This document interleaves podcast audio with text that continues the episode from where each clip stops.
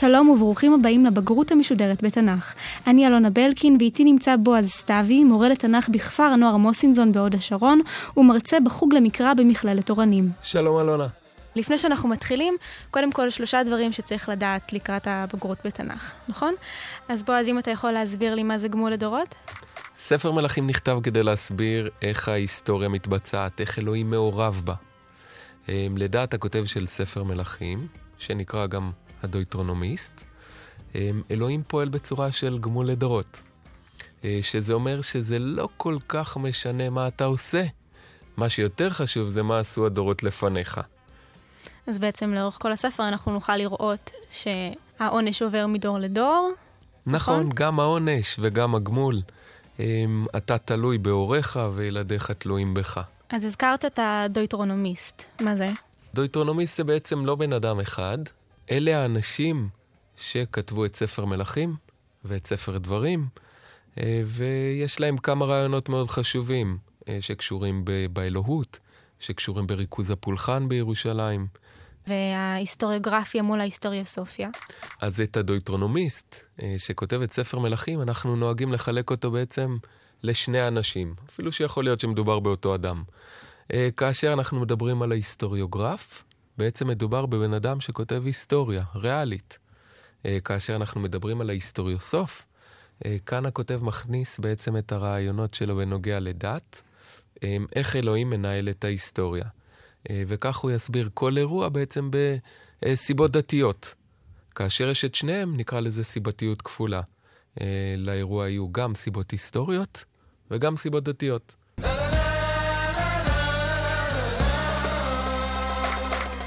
עכשיו, לפני שאנחנו עוברים לפרקים, נשמע מעט על uh, י' וי"א בספר מלכים. מטרת הפרק הראשון הוא להאדיר את גדולתו של שלמה, לעומת uh, הפרק השני, בו אנחנו נחשף לחטאיו. הסופר מדגיש את חטאי שלמה באמצעים ספרותיים שונים. פירוט הארצות השונות מהן הגיעו אנשים נועד להדגיש את היותן נוכריות. ציון המספרים הטיפולוגיים נועד להדגיש את מספרן הרב, ולבסוף באמצעות השוואה לדוד ולשלמה בעת צעירותו, מדגיש הכותב את חטא העבודה הזרה, בו חטא שלמה לעת זקנתו. בשל חטאים אלה מכריז אלוהים על עונשו של שלמה, קריאת הממלכה. אך ישנן שתי הקלות. העונש לא התבצע בימי חייו של שלמה, אלא בימי בנו, דוגמה אחת מיני רבות בספרי מלכים, לגמול לדורות, ובנוסף, שבט אחד יישאר תחת שלטון בית דוד. הגענו עכשיו לחלק השני של פרק י"א מלכים א' ופרק י"ב. כאן נראה את המרד של ירבעם בשלמה, את מלכותו של רחבעם ואת המרד של ירבעם ברחבעם. נכון מאוד. אה, וכאן אנחנו בעצם אה, נתקלים בשני שמות מאוד דומים. אה, איך נבדיל ביניהם? רחבעם, בנו של שלמה, רוצה לשמור על הממלכה רחבה, בדיוק כמו אביו. לעומת זה ירבעם רוצה לפלג את הממלכה, הוא רוצה לריב. אה, ולכ... וככה אנחנו זוכרים שמדובר בירובעם. בתחילת הפרק אנחנו רואים את ההצגה של הדמויות. מציגים בפנינו את ירובעם. הוא מגיע מלמטה, הוא בן של אלמנה מהשבטים הצפוניים. נכון, הוא מגיע, אין לו שום פרוטקציה, שום קשרים בשלטון. הוא מגיע משבט אפרים, אה, שזה שבט אה, בעצם היריב הגדול של שבט יהודה. הוא מגיע ממשפחה מאוד ענייה, ובכל זאת, לאט לאט הוא מצליח להתקדם, הוא הופך לגיבור חיל, שזה אומר אה, לאדם חשוב, בעל נכסים. שוב, התחיל מאפס, מכלום, מה, מהתחתית של הרחוב. אה, שלמה מזהה את הכישרון והאמביציה שלו, ולכן אה, מפקיד אותו על סבל בית יוסף. סבל בית יוסף זה אומר בעצם שהוא אחראי על העבודות של שבט אפרים, או אולי שבטי אפרים ומנשה, ואולי אפילו על כל אה, העבודות של כל שבטי הצפון למען המלך. זה סוג של תשלום מיסים בעצם למען המלך. אז שלמה בעצם מינה את ירבעם להיות האחראי על שבטי הצפון, וכשמגיע תורם לתקן את החורים בחומה, מתרחש איזה מרד. נכון מאוד. כאשר אה, הש, אה, ירובעם אחראי על העבודות בירושלים, יום אחד הוא יוצא מירושלים, ומחוץ לירושלים פוגש אותו בן אדם מאוד משונה. וזה אחיה השילוני. אנחנו יכולים לראות שבהרבה מאוד סיפורים במקרא הנביאים עושים דברים משונים, אותו דבר גם פה. אחיה קופץ וקורע לעצמו, ככל הנראה, את השמלה החדשה שהוא אה, התכסה בה. אה, ירובעם כמובן בשוק. כן? פתאום בא בן אדם מולו וקורע את הבגדים, אבל אה, לאחיה יש מסר מאוד חשוב. אז מה באמת אומר הקריאה הזו של הבגד? המסר של אחיה מאוד פשוט, אבל כדי להבהיר אותו, הוא גם מלווה אותו במעשה סמלי. כן? יש לו נבואה שאומרת, השם עומד לקרוע את הממלכה משלמה, כדי לחזק את המסר, הוא מלווה אותו במעשה סמלי של קריאת השמלה. ובעצם הוא נותן את החתיכות לירובעם. נכון, הוא נותן עשרה קרעים לירובעם, ואומר לו שגם השם ייתן לו עשרה שבטים. ככה אנחנו מוצאים את המקבילה, כן, את ההקבלות, בין המעשה הסמלי לבין הנבואה. יש לנו פה בעיה מספרית קטנה אחת, באמת שקשורה במספר הקרעים. בית דוד לכאורה מקבל קרע אחד, אה, כאשר אנחנו יודעים שבעצם חסר קרע, כי אמורים להיות 12. ואנחנו יודעים שבתנ"ך יש טעויות מספריות לפעמים. נכון, הרבה מאוד פעמים, כנראה גם הפעם. יכול להיות שהכוונה היא לשבט בנימין, אה, שאיכשהו בהמשך נטמע אה, בממלכת יהודה. בעקבות השיחה הזו, ככל הנראה, יכול להיות ששלמה שומע עליה, הוא מכריז על ירובעם כמורד במלכות, ירובעם נאלץ לנוס, לברוח מהממלכה אה, למצרים. אחרי שהוא בורח למצרים, שלמה מת ונקבר, ועכשיו בפרק הבא אנחנו פוגשים את רחבעם בנו שמוכתר. נכון, אה, שלמה מת, רחבעם אה, רוצה לארגן לעצמו טקס הכתרה מפואר, היום החשוב ביותר בשלטון שלו. כבר בתחילת הפרק אנחנו יכולים לראות שרחבעם עושה שלוש טעויות. אפשר אפילו לומר יותר מזה, אה, רחבעם הוא יהיר אה, והוא לא חכם אה, בכלל. היינו מצפים שהוא יהיה הרבה יותר חכם, הוא הרי בנו של החכם באדם, אבל הוא לא קיבל הרבה מאוד ניסיון כנראה. אז הטעות הראשונה שהוא עושה זה באמת ביום ההמלכה שלו. דבר ראשון, הוא הולך לשכם. הרי אתה המלך. אתה צריך לעשות את טקס ההכתרה בירושלים. למה אתה הולך לשכם? שכם היא גם עיר עוינת, ככל הנראה. אה, אה, יכול מאוד להיות שזו עירו של ירובעם. הוא הולך לשם, רחבעם הולך לשם מפני שלשם מגיע כל העם. אתה הרי המנהיג, הם צריכים לבוא אליך, לא אתה אליהם. אחרי הטעות הזאת, אנחנו מגיעים לטעות השנייה. העם מבקש מרחבעם להקל עליו בעול המיסים. העם בא ומבקש הקלה ומיסים. מנהיג את המשלחת של העם זה ירובעם. אבל הרי ירובעם מרד באביך, למה אתה מקבל אותו? תהרוג אותו. רחבעם מחכה שלושה ימים עד שהוא נותן להם את התשובה. נכון, רחבעם, אה, מזה אנחנו לא יכולים ללמוד, שרחבעם מנותק, שאין לו את התשובה, שהוא לא מוכן בכלל לבקשה של העם. ושלושת הימים האלה שבהם העם אה, חוזר למחנה שלו, מאוד מתסיסים. אה, וגורמים לבעיות מאוד גדולות. והטעות האחרונה של רחבעם שאנחנו רואים זה בעצם שכשהוא סוף סוף עונה להם, הוא בוחר את התשובה הלא נכונה. נכון מאוד. לכותב יש ביקורת מאוד גדולה על זה. רחבעם פונה לשני אה, סוגים של יועצים, לזקנים שעבדו עם שלמה. ולילדים, כך, קור... כך מכנה אותם הכותב, לילדים שגדלו איתו, אה, והוא בוחר אה, בתשובה הלא נכונה, הוא בוחר את תשובתם של הצעירים חסרי הניסיון. ותשובתם היא להקשות עוד יותר את נכון, חייהם. נכון, ואם יש משהו שהעם לא ציפה לו, זה לתשובה הזו. הם ביקשו הקלה במיסים, הם קיבלו לא רק שלא משאירים את המיסים אותו דבר, אלא גם מקשים עליהם את העול, וזה מבעיר את, ה, את העם. מיד מגיעה ההכרזה של המרד, מה לנו חלק בדוד, לא נחלה בבן ישי, אנחנו חוזרים הביתה. אחרי התשובה של רחבעם לעם, הוא שולח את גובי המיסים ופה הוא גם עושה טעות. הוא יודע שהעם כועס והוא לא אוסף צבא. נכון מאוד. זאת אומרת, אין שום סיכוי אה, לגובי המיסים לחזור בחיים. אה, וכתוצאה, לאחר, מיד לאחר שרוגמים את אה, גובי המיסים באבנים, הם גם כמעט מצליחים להרוג את המלך. מהיום הכי גדול כן? במלכותו של המלך, היום שבו כולם מכירים בשלטונו, הוא נאלץ לנוס על חייו. רחבעם אוסף צבא כדי לכבוש מחדש, אבל אז מגיע הנביא ישמעיה. נכון, והנביא ישמעיה אומר לו, אתה חייב לעצור פה משתי סיבות. אחת, אסור לך להילחם באחיך, הם אחיך. דבר שני, מאיתי נהיה הדבר, זאת אומרת, השם, אלוהים, הוא זה שגרם לפילוג, ולכן רחבעם צריך לעצור אה, ולחזור לביתו עם הצבא. עכשיו אנחנו מגיעים לביסוס מלכותו של ירבעם. הממלכה נפרדה, אנחנו ביהודה וישראל, וירובעם שמולך על יהודה מקים שתי ערים. הוא בונה את שכם ופנואל. המטרה עכשיו של ירובעם זה להפריד את הממלכה, לבסס ממלכה עצמאית. שני הדברים הראשונים שהוא עושה קשורים בירושלים, עיר הבירה. הוא מוצא לה תחליפים בעצם. הוא מוצא לה תחליפים, תחליף דתי, שהוא מקים שתי ערי מקדש, ותחליף שלטוני, הוא בונה שתי ערי בירה. בהקשר הדתי אנחנו יכולים לראות שהכותב מבקר את אה, ירובעם. נכון מאוד. הכותב, בכל פעם שהוא יכול, כמובן, הוא לא אוהב את אנשי ישראל ולא אוהב את ירובעם, ולכן הוא יבקר את מעשיו אה, של ירובעם ויציין שם חטא. במקרה הזה, באמת, כמו שאמרת, הוא טוען שבשתי ערי המקדש נבנו עגלים. זאת כדי להזכיר את, חק... את חטא העגל. מיד אחר כך אה, ירובעם ממנה גם כהנים, שהם לא משבט לוי, הוא פשוט לא יכול לסמוך על שבט לוי שמשרת במקדש. אמ, הוא גם מפריד את, ה... את לוח השנה של שתי הממלכות בכך שהוא דוחה את חג הסוכות בחודש. אז הוא עושה הכל בעצם כדי ליצור הפרדה בין שתי הממלכות. נכון, הוא יוצר ככה חיץ מושלם, חיץ שקשור בגיאוגרפיה, בדת, בתרבות, ועכשיו אפילו בלוח השנה. הוא איש מאוד חכם מרובם.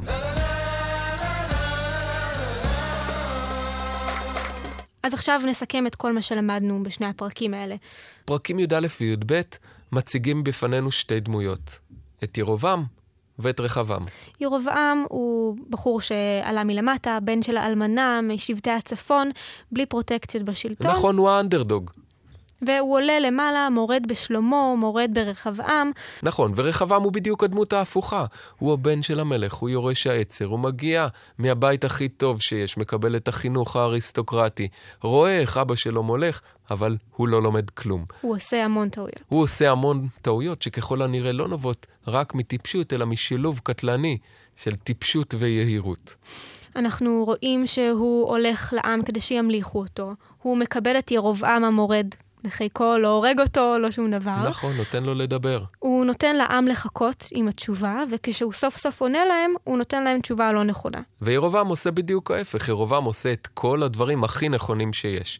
כאשר אנחנו קוראים את, את הפרקים האלה, אנחנו צריכים לזהות איך הדויטרונומיסט, הכותב של ספר מלכים, בעצם קרוע. מצד אחד הוא נאמן לבית דוד, ולכן צריך נאמן גם ל, לרחבעם. אבל הוא מתאר את רחבעם, כן? אין לו ברירה אלא לתאר את הטעויות שרחבעם עושה. הוא מנסה להצניע אותם כמה שהוא יכול. ירובעם בעצם עושה הכל כדי לעשות הפרדה בין יהודה לישראל. ובדיוק להפך מרחבעם, אנחנו קוראים על ירובעם. ירובעם זה איש מאוד מאוד חכם. הוא עושה הכל כדי לבסס את הממלכה שלו. הוא מקים שתי ערי בירה. הוא מקים אה, שתי ערי מקדש, וכך הוא מייתר את הצורך בעלייה לירושלים. הוא ממנה כהנים שהם לא מבית לוי, וככה יש לו מעמד כהונה שנאמן רק לו. ולבסוף הוא גם מפריד בין לוחות השנה ומשנה את התאריכים של החגים. ועכשיו ניתן את הטיפים לפרקים האלה. כאשר אנחנו קוראים את מלכים א', י"א וי"ב, אנחנו צריכים להתכונן אה, לשני סוגים של שאלות בבגרות, כן? השאלה הראשונה תדון במעשים, במהות. מה היה, אה, מה עשה ירובעם, או מה עשה רחבעם.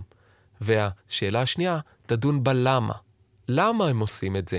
או באיך אה, אמצעים ספרותיים כלשהם שמדגישים את המעשה לצורך מסוים.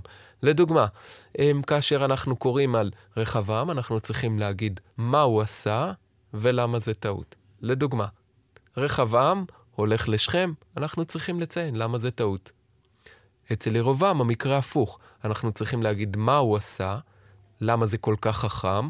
לדוגמה, הוא בנה שני מקדשים, בנה שתי ערי בירה, כדי לייתר את הצורך בירושלים. אז במקרה של רחבעם הוא ירד אל העם ולא העם עלה אליו, ובמקרה של ירובעם אנחנו יכולים לראות שהוא בעצם מייתר את ירושלים.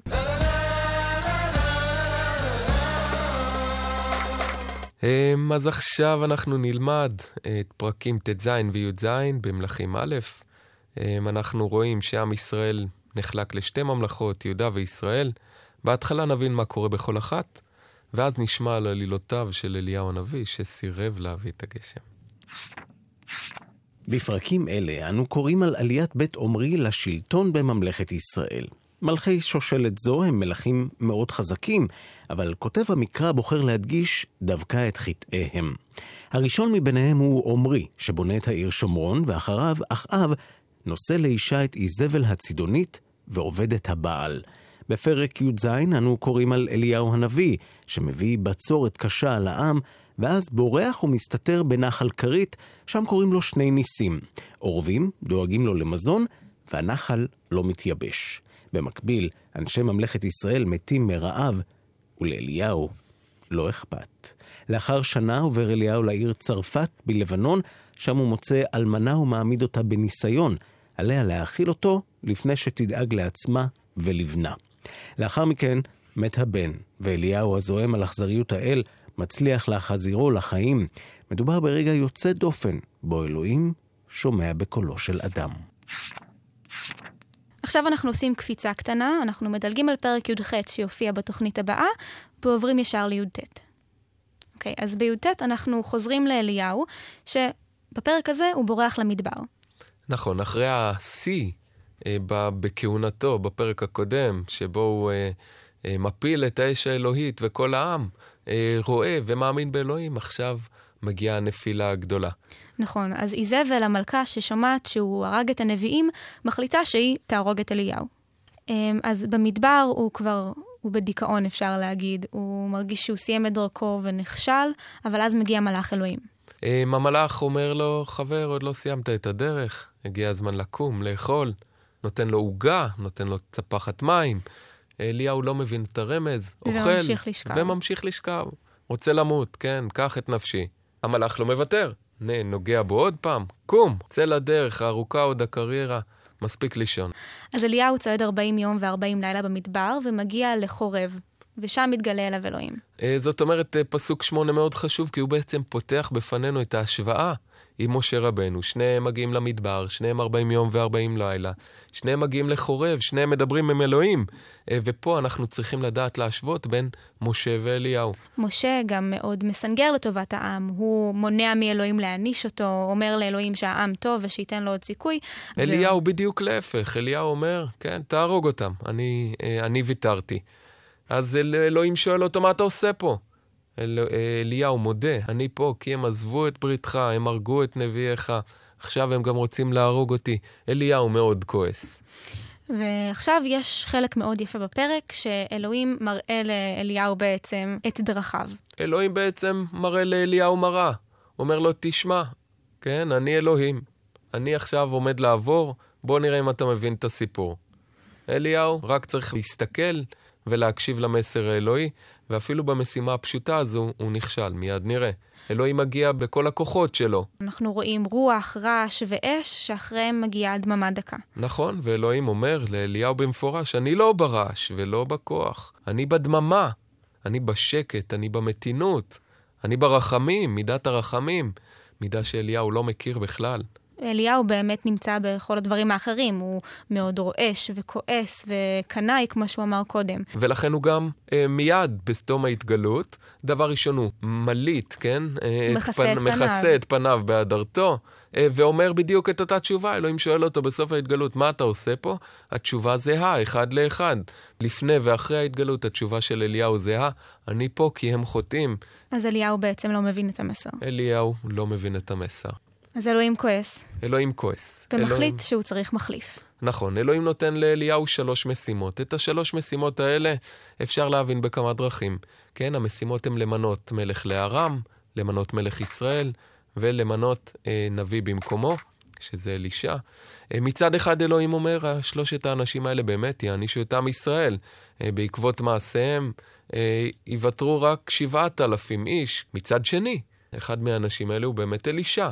אה, בכך אלוהים בעצם אומר לאליהו, נכון, אתה צודק, העם חוטא, אבל חלק מזה זה גם בגללך, כי אתה לא ממלא את התפקיד שלך. כי כשאנשים רעים, אתה בורח לנחל או בורח לצידון. אה, הכישלון הוא בעיקר שלך. אז עכשיו אנחנו רואים שאליהו הולך למנות לו את המחליף אלישע. אליהו פוגש באלישע, אה, זורק לו את האדרת, אנחנו רואים פה באמת איזושהי אמונה מאוד מעניינת, שה... התכונות של האדם נמצאות גם בבגד שלו. אה, בזה אליהו מעניק לאלישע את, ה, את, ה, את היכולת להיות נושא כליו אה, ולהמשיך אותו. אה, ופה שוב אנחנו רואים את חוסר הסבלנות של אליהו. כן, אלישע מבקש, רגע, תן שנייה להיפרד מההורים. אליהו לא מאפשר לו את זה, לך, כן, מה עשיתי לך, רוצה איתי? my way or highway, כן, mm-hmm. או שאתה איתי או שאתה הולך לנשק את אבא ואימא. אלישע מבין את הרמז, מבין עם מי יש לו עסק. לוקחים את הבקר, מקריבים אותו, וזה בעצם אלישע שורף את העבר ומתחיל, פותח דף חדש כנושא כליו של אליהו. אז אם נסכם רגע את הפרק, אנחנו רואים שאליהו ברח למדבר, הוא בורח מזבל שמנסה להרוג אותו, ושם הוא פוגש את אלוהים. אלוהים מראה לו בדיוק מה הוא עושה לו נכון. הוא מראה לו את האש, את הרוח ואת הרעש, ואחריהם מגיעה דממה דקה. אלוהים מסביר שהוא נמצא בדממה הדקה ולא במעשים הגדולים והקנאים שאליהו מבצע. אליהו מסרב לקבל את המסר, אבל אלוהים אומר לו שהוא חייב למנות לו מחליף. ככה הוא פוגש את אלישע, ממנה אותו, ואנחנו ממשיכים. ועכשיו לטיפים שאנחנו מציעים לפרק הזה. המילה המנחה היא נפש, הוא מבקש את נפשו למות, הוא רוצה למות. רב, כן, הכל רב ממנו, הכל גדול עליו, לא מסוגל לעמוד במשימה.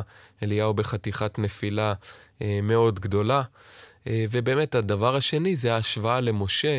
אה, מה כותב בכוונה, משתמש באותם פרטים, אה, כדי שהקורא, הבקיא אה, בתורה, אה, מיד ימצא את ההשוואה.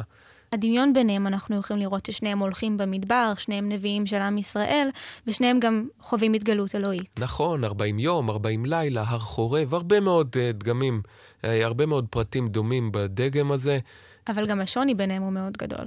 Uh, בוודאי, נכון, כי משה uh, הוא אבי הנביאים, הוא הנביא הראשון, הוא בעצם מגדיר את התפקיד של הנביא.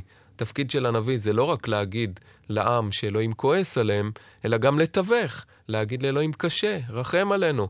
ואליהו אה, לגמרי מוריד את החלק הזה מהתפקיד, הוא רק הנביא הזועם והזועף וההורג, אה, ומידת הרחמים נשתכחה ממנו לגמרי.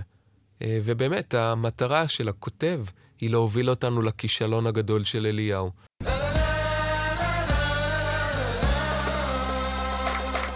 אז לפני שאנחנו עוברים לתרגול שאלות בגרות, מה בעצם למדנו היום? מה למדנו היום? דבר ראשון שלמדנו היום זה על הגדולה של שלמה, אמ, אבל אמ, מיד אחרי הגדולה אמ, מגיעה הנפילה, כגודל העלייה, גודל הנפילה. שלמה חוטא בשלושה חטאים, אה, ולכן אלוהים מחליט אה, להעניש אותו ולקחת אה, את הממלכה מבנו. הדבר השני שראינו בעצם זה ירובעם, שמתחיל את המרד. פה אנחנו רואים את הקריאה של הממלכה, אנחנו מתחלקים ליהודה וישראל. נכון מאוד, ראינו את הגדולה של ירובעם, כמה האדם חכם, אה, ולכן גם כמה הוא מצליח במעשיו, וכמובן ההשוואה המתבקשת היא לרחבעם, טיפשותו, יהירותו והטעויות הגדולות שהוא עושה.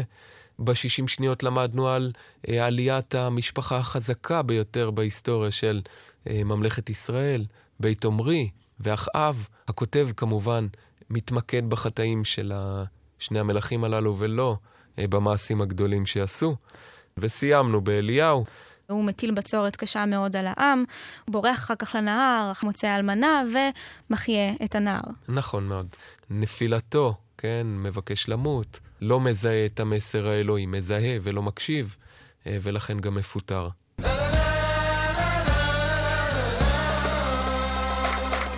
אז עכשיו נעבור לתרגול שאלות הבגרות. אנחנו נחזור לפרק אה, י"א, שדיברנו עליו בהתחלה, כן. על החטאים של שלמה. אז אנחנו יכולים לראות שמשתמשים שם באמצעים ספרותיים מסוימים. בדרך כלל שאלות בגרות, כן, אנחנו צריכים אה, אה, להיזהר מאוד כאשר אנחנו עונים עליהן. אה, יש שני סוגים של שאלות מאוד דומות, וצריך לדעת לא לערבב ביניהם. במקרה הזה, כן, החלק הראשון יעסוק במהות של החטא. מהו החטא? פשוט צריך לזהות את החטאים. נישואין עם נשים רבות. נישואים עם נשים נוכריות ועבודה זרה.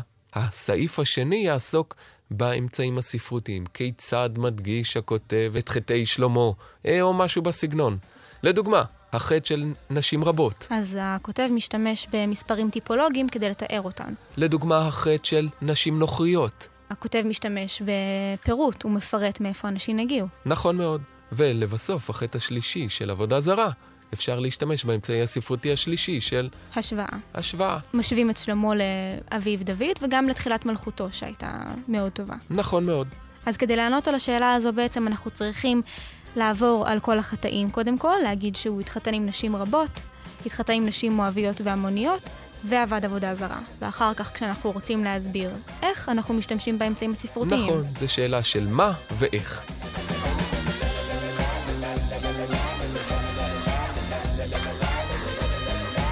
אתם מוזמנים להיכנס לאתר גל"צ ולאפליקציה כדי לשמוע את שאר הפרקים. מלבד ההכנה לבגרות בתנ"ך, תוכלו לשמוע את פרקי ההכנה לספרות, אזרחות והיסטוריה.